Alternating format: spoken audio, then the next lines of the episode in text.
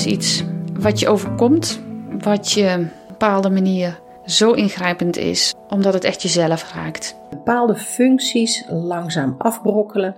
Containerbegrip voor ziektes van de hersenen die tot geheugenverlies of desoriëntatie leiden. Dementie is een ziektebeeld waarbij je een steeds meer een stukje van jezelf kwijtraakt. En voordat je een stukje van jezelf kwijtraakt, raken de mensen om jou heen jou al steeds een beetje kwijt. Intens en onbekend. Een weg die ik niet wist te gaan en die ik wel gegaan ben. Dat is dementie voor mij.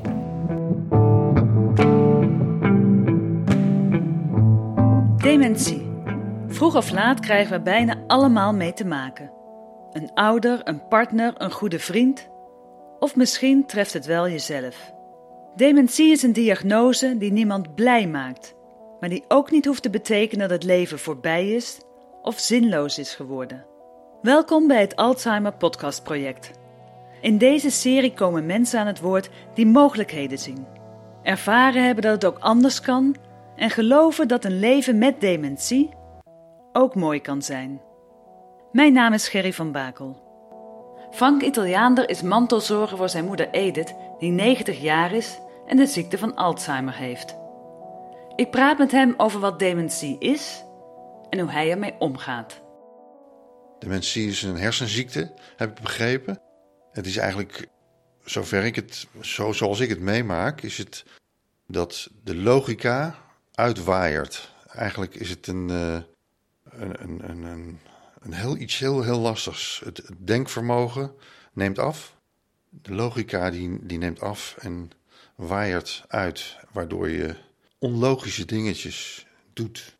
En het moeilijke van het geheel is dat ik als, als, als, als, hè, als, als uh, dierbare, als buitenstaander eventjes, ik zie wat er gebeurt, ik registreer het goed. En de patiënt, degene met dementie, mijn moeder in dit geval, Alzheimer-patiënt, die registreert het niet en die ziet het niet. De logica waait uit, ze vat het niet samen. En dat is een heel lastig iets. Frank weet op de dag af wanneer het voor hem duidelijk werd dat er iets met zijn moeder aan de hand was. Wanneer ik erachter ben gekomen is, um, op 26 februari 2015 is mijn vader overleden. En toen hij overleed, toen kregen wij uiteraard met, met moeders te maken waar we dagelijks heen gingen. En ik heb begrepen dat degene die erbij was toen hij overleed, die zei: Oh, want hij moest naar het ziekenhuis, er was iets niet goed met zijn hart. En wie zorgt dan voor Ma? Voor Edith, zei hij.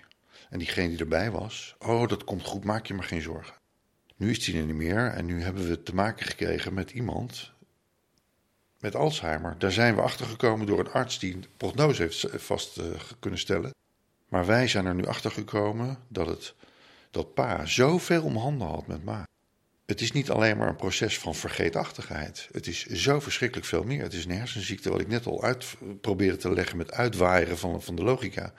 Wij zijn er achter gekomen nadat mijn pa is overleden, dat zijn overlijden veel te maken heeft gehad met de slijtageslag, omdat hij zo verschrikkelijk veel met ma te maken had. Hij, zij is toen door een arts uh, bekeken. Dat hebben wij uh, in het werk gezet. En toen pas wisten wij dat er, dat er sprake was van, van een, een beeld. Ja, dan gaan pas je ogen open en dan begrijp je het pas. En dan, dan vallen de, ja, de puzzelstukjes samen. En inderdaad, hij heeft ons een beetje uh, buiten schot willen houden. Want het is veel en ach, waarvoor zou ik mijn kinderen daarmee mee lastigvallen? En, en het is wel hun moeder, dus uh, hij heeft het inderdaad bij ons weggehouden, lang. Na zijn overlijden is er een emmer over ons heen, met heel koud water, is, is er over ons heen ge, ge, ge, gegooid. We werden echt drijfnat in onze mooiste kleding. En dat was uh, lullig om te constateren dat het geen schoon water was. Na de dood van zijn vader vallen de puzzelstukjes op zijn plaats. Frank is erbij als de arts zijn moeder onderzoekt. Uh, nou, niet, ik, ik weet er nu veel meer vanaf. Maar toen uh, was het vrij nieuw. Het was toen. Uh, nou, laat ik het zo zeggen. Ik ben erbij geweest toen, toen het, het neuropsychologisch onderzoek is gedaan. Heel, heel beknopt was het allemaal. Ik ben daarbij geweest. Ik zat op een afstandje, maar ik hoorde alles, dus ik, ik heb het allemaal meegemaakt. Aan de hand van wat daar tijdens het onderzoek gebeurde, toen werd het voor mij zo duidelijk. Dus ik heb het van tevoren nooit zo het besef gehad. Maar tijdens het onderzoek, dat ze zeggen van mevrouw, of Edith zei die man, wat is dit? En toen liet hij een foto van een broodrooster of van een fiets zien, dan weet ik wat, van een auto. Wat is dit? En daarvoor zei hij van, ik laat u gewoon wat foto's zien van dingen die veel voorkomen in het leven. En dan liet hij een aantal dingen zien en, uh, en toen moest ze antwoord geven. En dat ging heel goed. Dus ze gaf antwoorden. En dus dit, onderzoek was heel confronterend. En als hij dan de vraag stelde van... U woont hier in dit prachtige huis. En uh, uh, kunt u mij drie straatnamen noemen? Hier vlak in de buurt? Maakt niet uit. Noem maar wat hoor. Nou, toen deed ze een beetje lacherig zo van is dat een stomme vraag en zo. Maar ze wist niet één straatnaam te noemen. En dat was... Uh, Erik zat op een afstandje en jeetje, ik stond te popelen om, haar te helpen. En toen, toen zei ik van... Uh, winkelcentrum. Savanin Lohman. Ja, ja, ja, maar ze wist niet de Savanin Lohman aan te noemen. Het was, was heel confronterend. Dus uh, vooraf was, was ik er niet zo in thuis. En uh, na dat onderzoek, na de dood van mijn vader, is het allemaal, nou ja. Ik vraag Frank of zijn moeder weet wat er met haar gebeurt.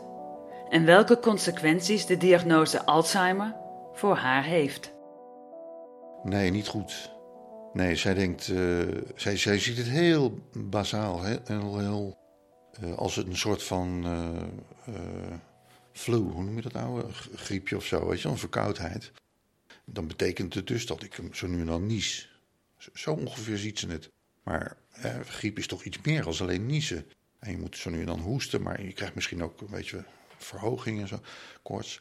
Dus zij ziet het als een, als een, als een gewoon een, een aandoeningje die overgaat. En, en je kunt een pilletje krijgen en Strakjes dan ben je er voorbij en dan gaat het over.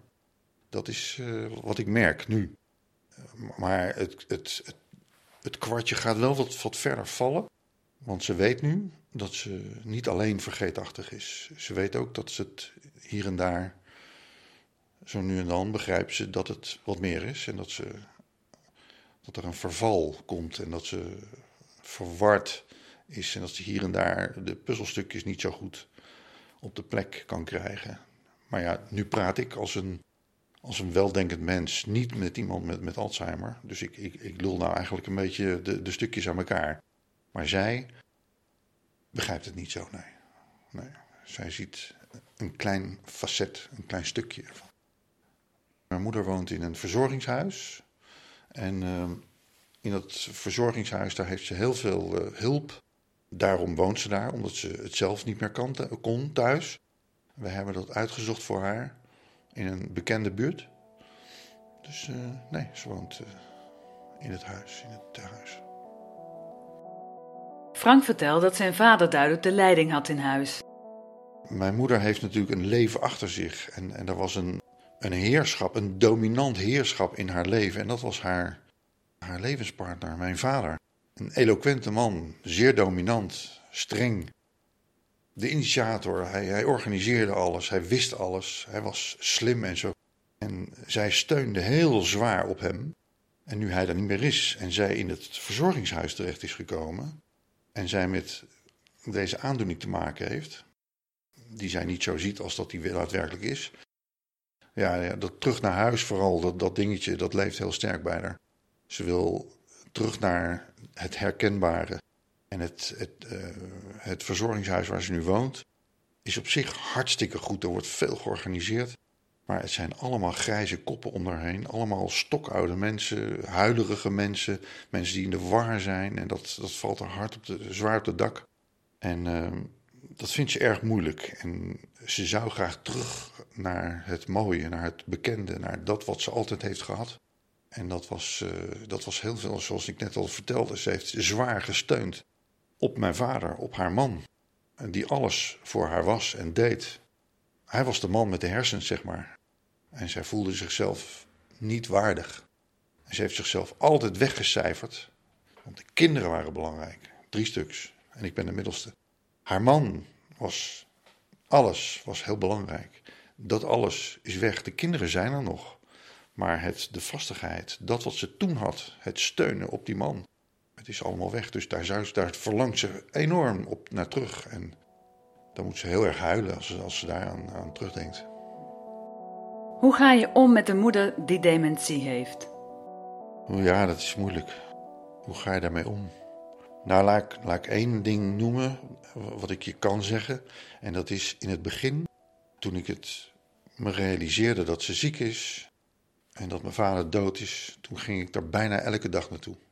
Ik ga er naartoe nu, de afgelopen tijd, ga ik er naartoe. Um, voor mezelf. Thuis trek ik een pak aan. Ik trek een mooi, mooie kleding aan. Want ik weet dat ze dan trots is op de man die ze ziet, die ze herkent als haar zoon. Ik ga er mee om door voor mezelf een feestje van te maken. Ik trek het pak aan. Wanneer trek je een pak aan? Nou, haast nooit. Mijn werk. Uh, ik heb geen werk. Uh, ik ben zelf uh, hersenletselpatiënt. Ik heb dus mijn pakken heb ik nauwelijks aan. En ik doe ze aan omdat ik weet dat mijn moeder trots is op mij. Dus ik doe ze aan omdat het maar kledingstukken zijn. Maar ik doe vooral voor mezelf doe ik daar. Uh, door naartoe gaan, naar mijn moeder toe gaan, doe ik voor mezelf. Omdat het voor je moeder, voor mijn moeder, is het een, een, een, een moment, een leuk moment. Maar zodra het moment vijf minuten voorbij is, is het vergeten. Dus als ik denk dat ik iets voor mijn moeder doe, dan is het een momentje voor haar dat voor iets voor haar doe. Ik doe het vooral voor mezelf. Ik maak er een, een, een, leuke, een leuk uitje voor mezelf. Maak ik ervan. Ik ga een stukje met haar wandelen met de rollator. En dan zou je haast zeggen van, uh, is dat een CEO of zo? Is dat een een of andere directeur die daar met, zijn, met, een, met een uitje wandelt? Is het zijn moeder? Goh, die heeft zeker een kwartiertje tijd voor haar. Aardig dat hij dat doet. Maar deze, deze directeur, die, die doet het voor zichzelf. Vooral voor zichzelf. Bij mij blijft het hangen. Bij mij is het een mooie gebeurtenis. Om af en toe te ontsnappen aan de grijze kop in het tehuis gaat Edith zwemmen.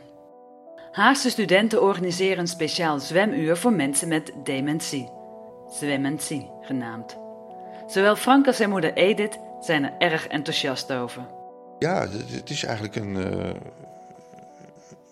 een, een uitje. Het is. Uh een heel aangenaam uitje. Het is beweging, het is dynamiek, het is uh, vrolijkheid, het is spelelement. Uh, het is iets waar ze elke week naar uitkijkt. Zij geniet ervan en ze merkt ook dat de mensen in, in haar groep bij Zwementie, dat, dat zij daar een, een, uh, een belangrijk onderdeel is. Mensen kijken naar haar. Ze is, geloof ik, de oudste. Ze wordt dit jaar 91, hoop ik, in november. En, uh, maar ze gedraagt zich daar als een, als een meisje, als een ondeugend meisje. Ja. De jongens die haar begeleiden, vooral de jongens, want de meisjes die laat ze links liggen. Laat dat gezegd zijn. Maar de jongens die haar begeleiden, dat zijn jongens van, uh, nou weet ik veel, uh, die studeren. Dus die zullen, ja, is wel ergens in de twintig zijn, maar er zitten ook jongere jongens bij. En ja, daar gaat ze mee om, alsof ze, alsof ze er s'avonds een, een, een, lekker een biertje mee gaat gaat drinken. En, eh, als leeftijdsgenootjes, daar, zo gaat ze daarmee om. Ze vinden het heerlijk. Ja, in het zwembad voelt ze zich heel fijn. Ze kijkt er erg naar uit. En de reis daar naartoe, vanaf de Saven Lomanplein, Saven Lomanlaan naar, naar, uh, naar het zwembad, dat is, uh, nou ja, weet ik veel, een kwartier rijden. Nou, dan valt ze wel eens in slaap tijdens het daar naartoe rijden. Maar de ochtend en de dag ervoor en de dag daarvoor, daar is al van, van wanneer is zwemmen? Vrijdag is zwemmen. Kom je op tijd? Wanneer moet ik? Nou, het is altijd om half twee uh, het, uh, zwembad inplonsen. En om één uur ben ik in ieder geval bij daar, maar al eerder ook. En ze denkt altijd dat ik om negen uur al kom, dus ze belt die dag, belt ze al diverse keren. Ze is er erg mee bezig. Ik vraag Frank of zijn moeder zelf nog weet dat ze elke week gaat zwemmen of dat het steeds weer een verrassing is? Nou, ze herinnert het niet, nee. Nee, als je, als je haar helpt dan, dan, eh, dan breng je een puzzelstukje aan haar lippen, aan haar, naar haar oren. En dan zegt ze van ja, maar zelfstandig? Nee, dat niet. Wel, uh, goh, je hebt een zwempak, wat leuk. En als je dan af gaat wachten, dan heb je kans dat er iets komt. Maar het is niet zelfstandig dat ze zegt van. Uh, ja, structuur is er, is er niet meer. De structuur is voetzie. Dus het is niet zo van half twee, elke vrijdag lig ik in het zwembad. Wat doe je daar? Daar doe ik spelletjes en dan doe ik beweging en oefeningen met ouderen. En het heet zwemmentie en zo. Dat, dat is allemaal weg. Een keer wanneer ze mij uh, aan, aan het zwembad herinnert. Waar dat vandaan komt, nou, ik kan het je niet uitleggen. Het zijn eigenlijk hangende puzzelstukjes die in haar hoofd leven, die ze nu, en dan begint te duiden. En, en dan begrijp je niet hoe ze dat weet. Maar tijdens dat gesprek, tijdens dat telefoongesprekje, zeg ik, schrijf op ma. En dan zegt ze dat ze ergens iets opschrijft. Dat zal ergens op een stukje papier zijn of zo, ik weet het niet. En of ze het daadwerkelijk opschrijft, dat weet ik niet eens, want het is aan de telefoon, ik zie het niet. Maar dan zegt ze dat ze opschrijft. Uh, één uur vrijdag. En uh, de zoveelste datum erbij. En dan schrijft ze het op. En ik denk dat het, doordat ze dat daar ziet staan. Maar ja, als ik jou zou laten zien hoe ze dat opschrijft en waar dat dan staat. Nou, jij en ik kunnen het waarschijnlijk niet eens lezen wat ze daar schrijft. Zij wel. En als ze dat dan ziet staan, dan, dan pakt ze gelijk de telefoon. Het zwembadbezoek brengt Frank en zijn moeder Edith een scala aan positiviteit. In dat zwembad is inderdaad met, met, met, met de begeleiders, die zijn jong en die, die uh, nou ja, daar gaat ze mee om alsof ze, wat ik net al vertelde, alsof ze er s'avonds een biertje mee gaat drinken. En ze is ontremd daar inderdaad. Ze, met een balspel, dan, dan pakt ze die bal en die gooit ze gewoon keihard naar hem toe. En dan zo hard. Nou, die moet echt eventjes eh, oppassen dat hij niet tegen op zijn kanus krijgt. Dus ze is een doerak, ze is ondeugend. En je merkt dat ze in het verleden, in haar leven, op handen is gedragen. Niet alleen door mijn vader, maar ze weet dat ze, dat ze een mooi mens is. Eén uh, woord wat er me opkomt is opleven. Ik denk dat daar alles mee gezegd is. Daar komt alles in, in voor. Samen opleven. Dat is wat daar gebeurt. Eh, het woordje op, hè, dat is al dat, dat kleine twee, letterge, twee lettertjes, dat, dat is het. Het opleven. Dat is wat daar gebeurt. Dynamiek is daar. Er is daar uh, spelelement. Je ziet daar mensen op leeftijd, maar ook wat jonger. 66 jaar is er eentje. Zo'n leuke vent. Je ziet ze daar en ja, je ziet ze daar gewoon spelletjes doen. Je ziet ze daar ballen en gewoon rommelen tegen de stroming inwandelen en zo. En laten zien hoe sterk je bent. En uh, mijn moeder laat zien hoe ondeugend ze is. En uh, het is, het is uh, iets heel goeds waar mensen zien, want mensen zijn daar echt met hun, met hun vermogen om, om te spelen. Ze zijn daar aan het opleven. Mij brengt het heel veel omdat ik dat opleven zie. En ik ervaar het. En ik zie dat er andere mantelzorgers, waar ik dan mee op het bankje en naar, naar, naar, de, naar, de, naar de uitjes te kijken. En de mantelzorgers, dat zijn soms partners. En daar zit ik mee op een bankje en ik praat met ze en ik zie wat daar allemaal gebeurt. Samen beleef je het en dat is prachtig. Wanneer je de patiënt in het water ziet en dan de partner naast je ziet en je praat over de patiënt, je praat over de partner, je praat over je ervaringen, hun ervaringen. Ja, dat is veel hoor. Dat is heel mooi.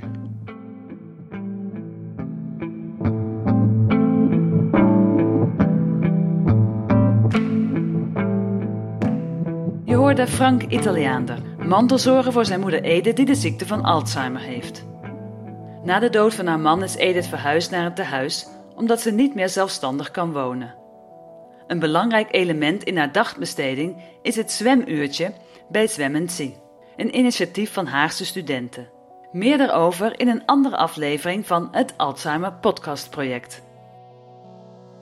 Mijn naam is Gerry van Bakel. Bedankt voor het luisteren. Meer afleveringen van het Alzheimer Podcast Project zijn te vinden op mijn website Gerry Verhalenbedrijf en de bijbehorende Facebookpagina. of op de website alzheimerpodcastproject.nl.